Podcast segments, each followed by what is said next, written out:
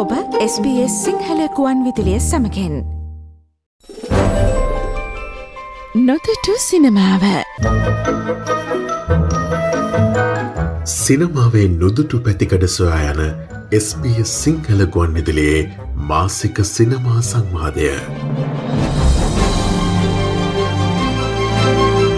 ඔබ දකින ඔබ බලන සිනමාවේ රාමුවෙන් ඔබ්බට යන්නට අවසරායේ.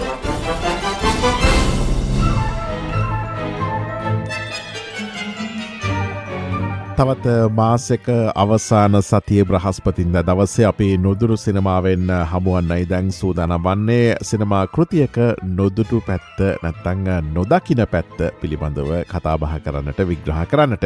අදත් අපි සම්බන්ධ කරගන්නවා ශ්‍ර ලංකාවේ සිට මේ සඳහා සිනවා විචාරක විදර්ශන කන්නන් කර විදර්ශන අයිබෝවන් කියල පිළිගන්නවා අපේ වැඩ ස්්‍රන්ට නැවතත්. අයිබෝන් මදුර මෙවර නොදුරු සිනමාව විශෂාන්ගෙන් අපි අවධහනය යොමු කරන්න බලාපොරොත්තු වන්නේ සංජයලීලා බන්සාලිගේ නවතම ප්‍රථම චිත්‍රපටය වන ගංගුබාය කතියාවාඩී කියන හින්දි චිත්‍රපටය පිළිබඳවයි. ඉතිං විශේෂෙන් මතක් කරනට ඕනේ හින්දි සිනමා පිළිබඳව කතා බහ කරද්දි වෙනස්ම හැරවුම් ලක්ෂයකට හින්දි සිනමාව ගෙන ගිය සිනමාකරුවෙක් විදියට සංජලීලා බන්සාලි හඳුන්නට පුළුවන්. මේ වසරේ මේ මුල් මාස කිහිපය තුළ තවත් කතා බහට ලක්වෙච්ච හින්දි චිත්‍රපටයක් නිසාම තමයි අපි මේ චිත්‍රපටය අධි දවසේදී තෝරා ගත්තේ. විකල්පයක් නැතිව ගනිකා වෘතියට යාමට සිදුවන ගංගා කියන තරුණිය අතරමඟ මාෆියා රජනක් බවට පත්වෙලා දේශපාලනට යාමට දරන උත්සාහයක් වටා තමයි මේ කතාව ගෙතෙන්නේ. විදශන අපේ කතාව පටන්ගමු මෙන්න මෙයාකාරයෙන් දැන් ගංගුබයි කතියාවඩි චිටපටය හරහා මේ ලිංගික ශ්‍රමි කියන්න එතකොට අපරාධ පාතාල ලෝකය වගේ සමාජයේ සියලුම මේ කළු පැතිකඩයන් ගැහැනිය ප්‍රමුඛ කොටගෙන සංවාදයට ගේනවා.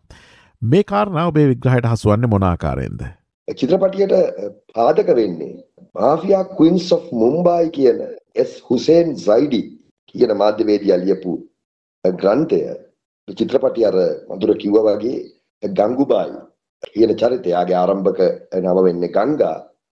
නමුත් එයා ලිංගික ශ්‍රමික වෘත්තියට යාව ඇදලා වැටෙනවා.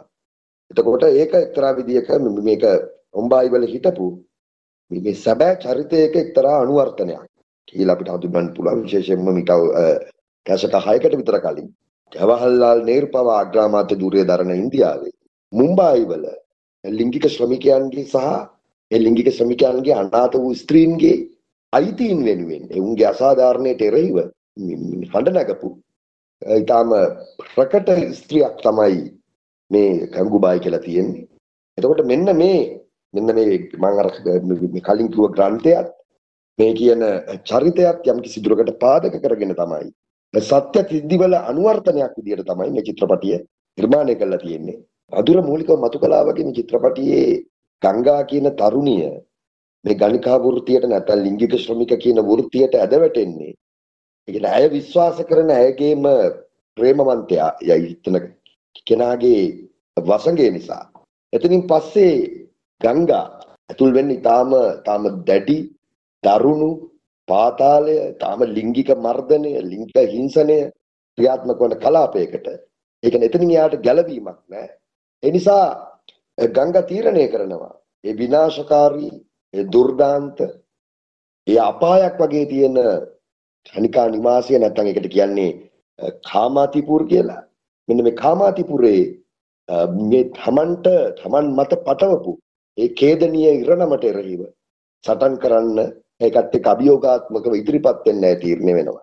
ක්‍රමයෙන් ඇයට වෙන පීඩාවන් එක්ක විශේෂයෙන්ම අයව ලිංගික හිංසාවකට හත් කරනවා රහීම් ලාලා කියන හඳුන්වන ඒ මුම්බායි වල ඉන්න ඉහළ පාතාල නායකයෙක් යටතේ වැඩ කරන චරිතයක් විසින්.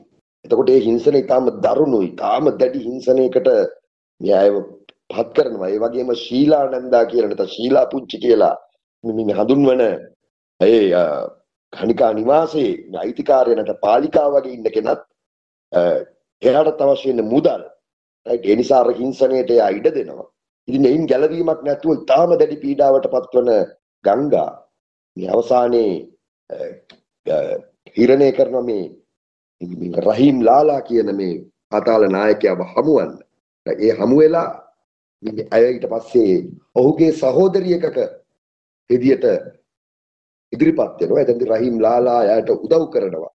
ඒන හිංසනයට එරෙහිව තමන්ගේ සගයන් යොදවමින් ගංගුබායි ඒ වෙනකොට ඇය අංගනමේ ගංගුබායි මේ ගංගුබායිගේ ඉදිරි ජීවිතය ගංගුබායිගේ අරමුණු වෙනුවෙන් යන්න එතනින් තමයි මේ චරිතය ගංගුබායි කියන නැත්නම් ගංගු කියන චරිතය ක්‍රමයෙන් තාම දැඩි තනි තීරණ ගන්න ලිංගික ශ්‍රමිකයන් ලිංගික සහෝදරයන් ලිංගික ශ්‍රමික සහෝදරයන්ගේ නායකත්වය වෙතට ක්‍රමයෙන් නෙළබෙන්නේ ඒකම එතනින් පස්සේ අය ඡන්දය ඉල්ලන්න විශේෂයෙන්ම රසියා කියලා මේ කාමාතිපුර දිගටම සභාපති තනතුරට ඉල්ලන චරිතයක් තියෙනවා.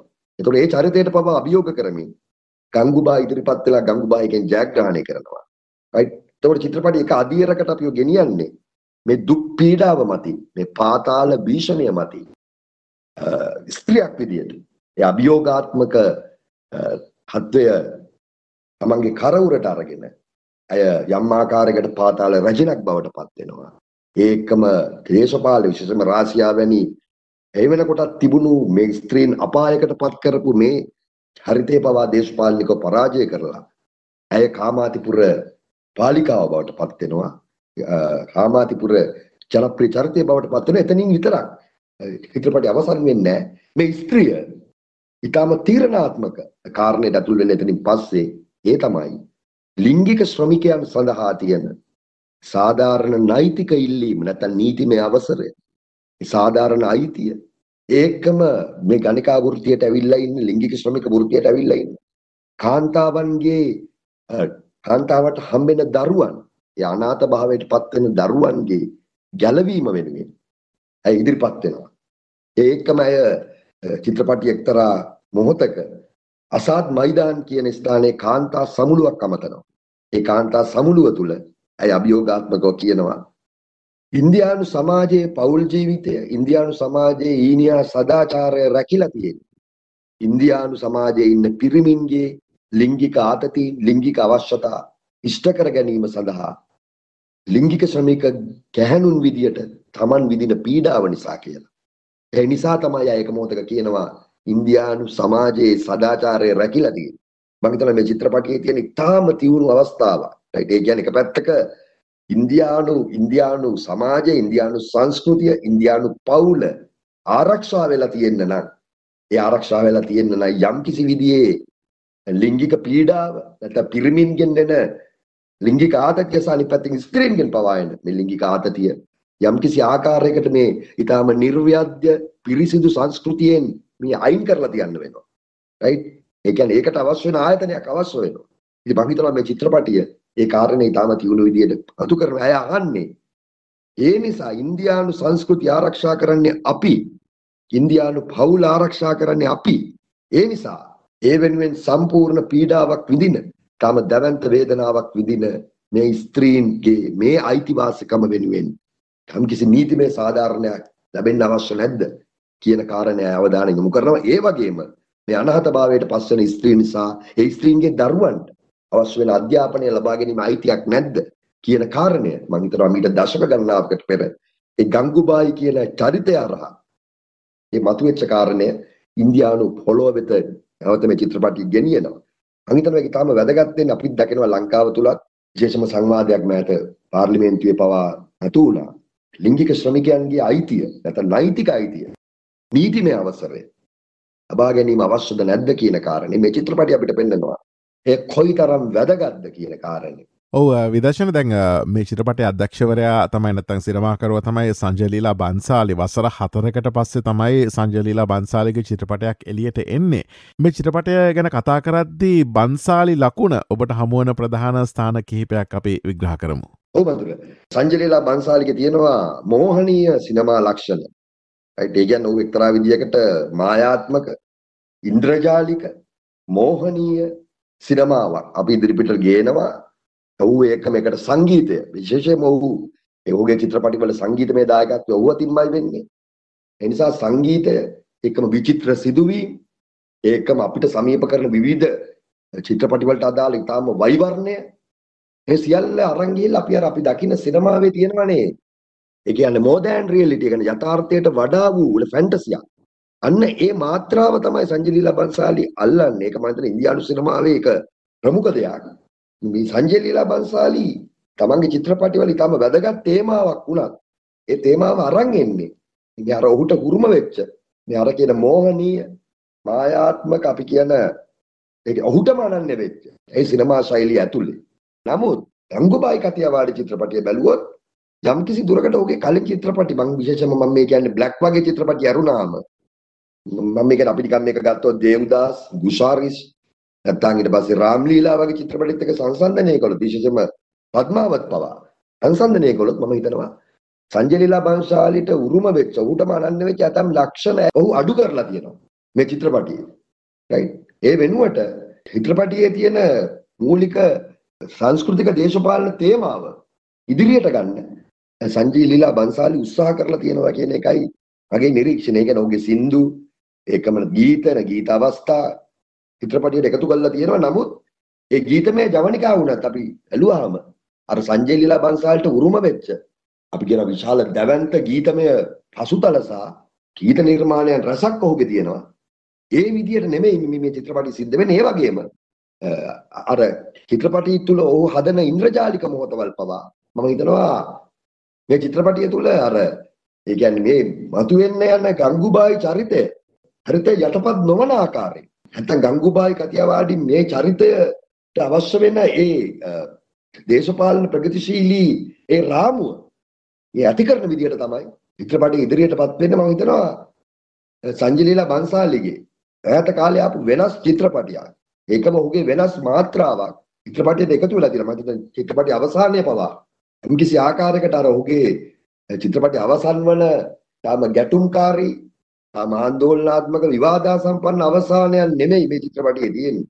ඒ වෙනුවට මේ චිත්‍රපටය අවසන් වන්නේ අංගුබායි ස්ත්‍රීන්ගේ වීරවරිය වෙලා. දැන් ලිංගික ශ්‍රමික අනාථභාවයේ පත්වෙච්ච ස්ත්‍රීන්ගේ වීරවරිය වෙලා තාම ඉහළ පෙරහැරකින් අය එන පුළුල් දර්ශනයකින් මම හිතනවා මේ දර්ශනය පවා මේ සංජය ලීලා බන්සාලි අර චිත්‍රපටියේ ආපු අර අපි කියන මේ ක්ලයිමැක්ස් එක යම් ආකාරයකට සංජය ලීලා බන්සාලට උරුම වෙච්ච ශෛලියෙන් යම් විතන්වීමක් මං හිතනවා මේ චිත්‍රපටිය අපිට දක්නට ලැබෙනවා කියලා. ඔව් දැන් ගංගුබායිගේ චරිතය මෙහිදී නිරූපණය කරන්නේ මේ වන විට හින්දි සිනමාවේ ඉන්න ජනප්‍රියම සහ ප්‍රමුඛතම නිලියක් වන ආලියා භත් ආලියා මේ චරිතයට සාධහරණයක් ඉෂ්ට කලාද මේක ඉන්දියාවෙත් කතාබහට ලක්වන ප්‍රශ්නයක් කලා තියෙනවා. විදර්ශන මම කැමති ඔබෙන් ඒකට උත්තරයක් ගන්න. එසේ ඉෂ්ට කරල නැත්තං ඔබේ යෝජනාව අනුව ඒ සඳහා තියෙන ආදේශකය මොකක්ද? මහිතනවා මේකන පුද්ගලිකව කිව්වෝ දැන් අපි චිත්‍රපටියේ ආලියාබාත් තෝරා ගැනීම සම්බන්ධයෙන් මහිතන දෙපැත්තට විවාදයක් තියෙනවා. ඉතින් සමහර පිරිස් ආලියාබාත් මේ ගංගුබායි චරිතයට තෝරා ගැනීම සම්බන්ධයෙන් ප්‍රසාදය පළ කරන අතර තවත් පිරිසක් මම හිතන්නේ යම් බහුතර පිරිසක් ඒ සම්බන්ධයෙන් විවේචනය හතු කරනවා. මේ මම මේක චිත්‍රපටිය රස විඳපු පුද්ගලික නරඹන්නෙක් විදිහට මගේ පුද්ගලික දැක්මෙන් බැලුවොත් මට ආපු හැඟීම තමයි. දැන් අපි දන්නවා අලියාබාද්ගේ තියෙන අංග පුලාවන්. ඒකම ඇයගේ ඊට කලින් හිටපු චිත්‍රපටිවල ඇය කරපු නිරූපණය කරපු චරිතයන්. සහ ඇයගේ ඇයගේ මුහුණ එකම ඇගේ ශරීරය සහ ඇගේ ශරීරය විසින් එන ස්ත්‍රී ලාලිත්‍යයන් මේවා යම් ආකාරයකට ගංගුබායි චරිතය විසින් අප වෙතට ප්‍රක්ෂේපණය කරන ඒ පාතාල මාෆියා රැජිනගේ භූමිකාවට යම් යම් කිසි නොගැලපීමක් මං හිතන්නේ දර්ශනය වෙනවා කියන එකයි පුද්ගලිකව මට ආපු හැඟීම. ඒකෙන් කියන්නේ ගලියාබාතේ හෘදයට අසාධාරණයක් කළා කියලා නෙමෙයි. නමුත් ඇය දැන් උදාහරණයක් මේ චිත්‍රපටයේ අවස්ථා කිහිපයකම ඇය උත්සාහ කරනවා. අර අපි කියන්නේ ටිකක් පාතාල චණ්ඩි ඉන්දියානු ගැහැණුන් ගේ හැසිරීම් තියෙනවනේ හැසිරීම් රටාවන්. ඒක නෝන් අපි තුම අතපය විසි කරන විදිය මිනිස්සු එක කතා කරන විදිය උන්ගේ හඬ උස් පහත් වෙන විදිය. එතකොට ඔන්න ඔය ලක්ෂණ අලියාබාද් අනුකරණය කරන්න හදන අවස්ථා සමහරකදී අර අලියාබාද්ගේ අපිට කුරු පුරුදු වෙච්ච සුපුරුදු ස්ත්‍රී ලාලිත්‍ය ඒ ස්ත්‍රීමේ අර්ථව ඇයට අනන්න වෙච්ච ස්ත්‍රී ශරීරය මං හිතනවා එක්තරා විදිහට නොගැලපෙන ආකෘතියක් හදනවා කියලා මේ චරිතය ඇතුලේ. සමහර අවස්ථාවල ඒ සාධාරණ කිෂ්ඨ කරනවා. රයිට් අර කියන පාතාල අබ චණ්ඩි ගැහණියකගේ ඒ ප්‍රකාශනය සමහර අවස්ථාවල ඒ කරන අතර ඇයගේටම උරුම වෙච්ච ඇයටම අනන්‍ය වෙච්ච රංගන සීමාවන් නිසා ඒ චරිතයට සාධාරණයක් වෙලා නැහැ කියන එක තමයි මගේ පුද්ගලික අදහස වෙන්නේ ඉන්දියාවේ වුණත් මම හිතනවා දැන් ඔය අපි කන්ගන වුණත් මේ මෑත මම හිතනවා එලියාබාද් එක වෙන පුද්ගලික ගැටමකුත් ඇයට තියෙනවා. ඒ නිසා අය මේ ඊටාම නුසුදුසු කෙනෙක් මේ චිත්‍රපටියට අරගෙන තියෙන්නේ කියලා අදහසක් තියෙනවා. ඒකම සංජිලි ලබන්සල් මේ චිත්‍රපටියට මේ අරගන්න හදලා තියෙන්නේ දීපිකා අදුකොන් වගේ චරිතයක් අරගන්න උත්සාහ කරලා තියෙනවා. නමුත් ඊට පස්සේ තමයි අලියාබාද්ට මේක ලැබිලා තියෙන්නේ. ඒක මම හිතනවා මේ චරිතයට දැන් අපි ගත්තොත් දැන් විද්‍යාබාලන් වගේ. දැන් විද්‍යාබාලන්ගේ රූපය විද්‍යාබාලන්ගේ ශරීරය සහ ඇය ඔය වගේ චරිත නිරූපණය කිරීමේදී මම හිතනවා අර ටිකක් ආවේගකාරී ටිකක් ප්‍රචණ්ඩාකාරී ඉන්න ස්ත්‍රීකගේ රූපයකට විද්‍යාබාලන්ගේ එක අපිට උදාහරණ තියෙනවා සිනමාවේ. රයිට් ඒ නිසා මම හිතනවා මේ අලියාබාද්ගේ චරිතය අලියාබාද් විසින් ගංගුබායි කතියවාඩි චරිතයට ඇති කරන ඒ ඒ සාධාරණත්වය චිත්‍රපටියේ සමහර අවස්ථාවල ඉෂ්ට වෙන අතර සමහර අවස්ථාවල බිඳ වැටෙනවා කියන එකයි. මගේ අදහස ඒක අර ඉන්දියාව තුල ඒ චරිතය සම්බන්ධයෙන් තියෙන මේ ඉදිරිපත් කිරීම සම්බන්ධයෙන් තියෙන ඒ ගැටලුවට මම හිතනවා ගැටලුව ඒ වගේම මටත් ඒ වගේම සංවේදී වුණා කියලා. හොඳ අපි කතා බහ කරමින් පසුයේ මෙවර නොදුරු සිනමා විශේෂන්ගෙන් සංජයලීලා බන්සාලගේ නවතම හින්දි චිත්‍රපටය වන ගංගුබාය කතියවාදී කියන හින්දි චිත්‍රපටය සම්බන්ධයෙන් මේ සාකච්ඡාවට අපි සම්බන්ධ කරගත්තේ ශ්‍ර ලංකාවේ සිට සිනමා විචාරක විදර්ශන කන්නංකර විදර්ශන බොහොමත්ම සූතියන්තෙනවා අපි ලබන මාසය අවසාන සති බ්‍රහස්පතින්දා නැවතත් හමයමු නොදුරු සිනමා විශේෂන්ගෙන් සිනමා කෘතියක නොදුරු පැත්ත විමසා බලන්නට. සුබදවසක්. නොදුටු සිනමාව සෙලියලොයිඩ් පටයෙන් පිටපැන යථාර්ථය පිටපත් කරන SBS සිංහල ගුවන්නුදිලේ මාසික සිනමා සංවාදය ලබන මාසේ අවසානය බ්‍රහස්පතින්දාත්. මේ වගේ තවත්තොරතුරු දැනගන්න කැමතිද. එහමනම් Apple podcast Google podcast Spotify ඔබගේ පොඩ්කාස්ට ලබාගන්න ඕනෑම මාතයකින් අපට සවන්දය හැකේ.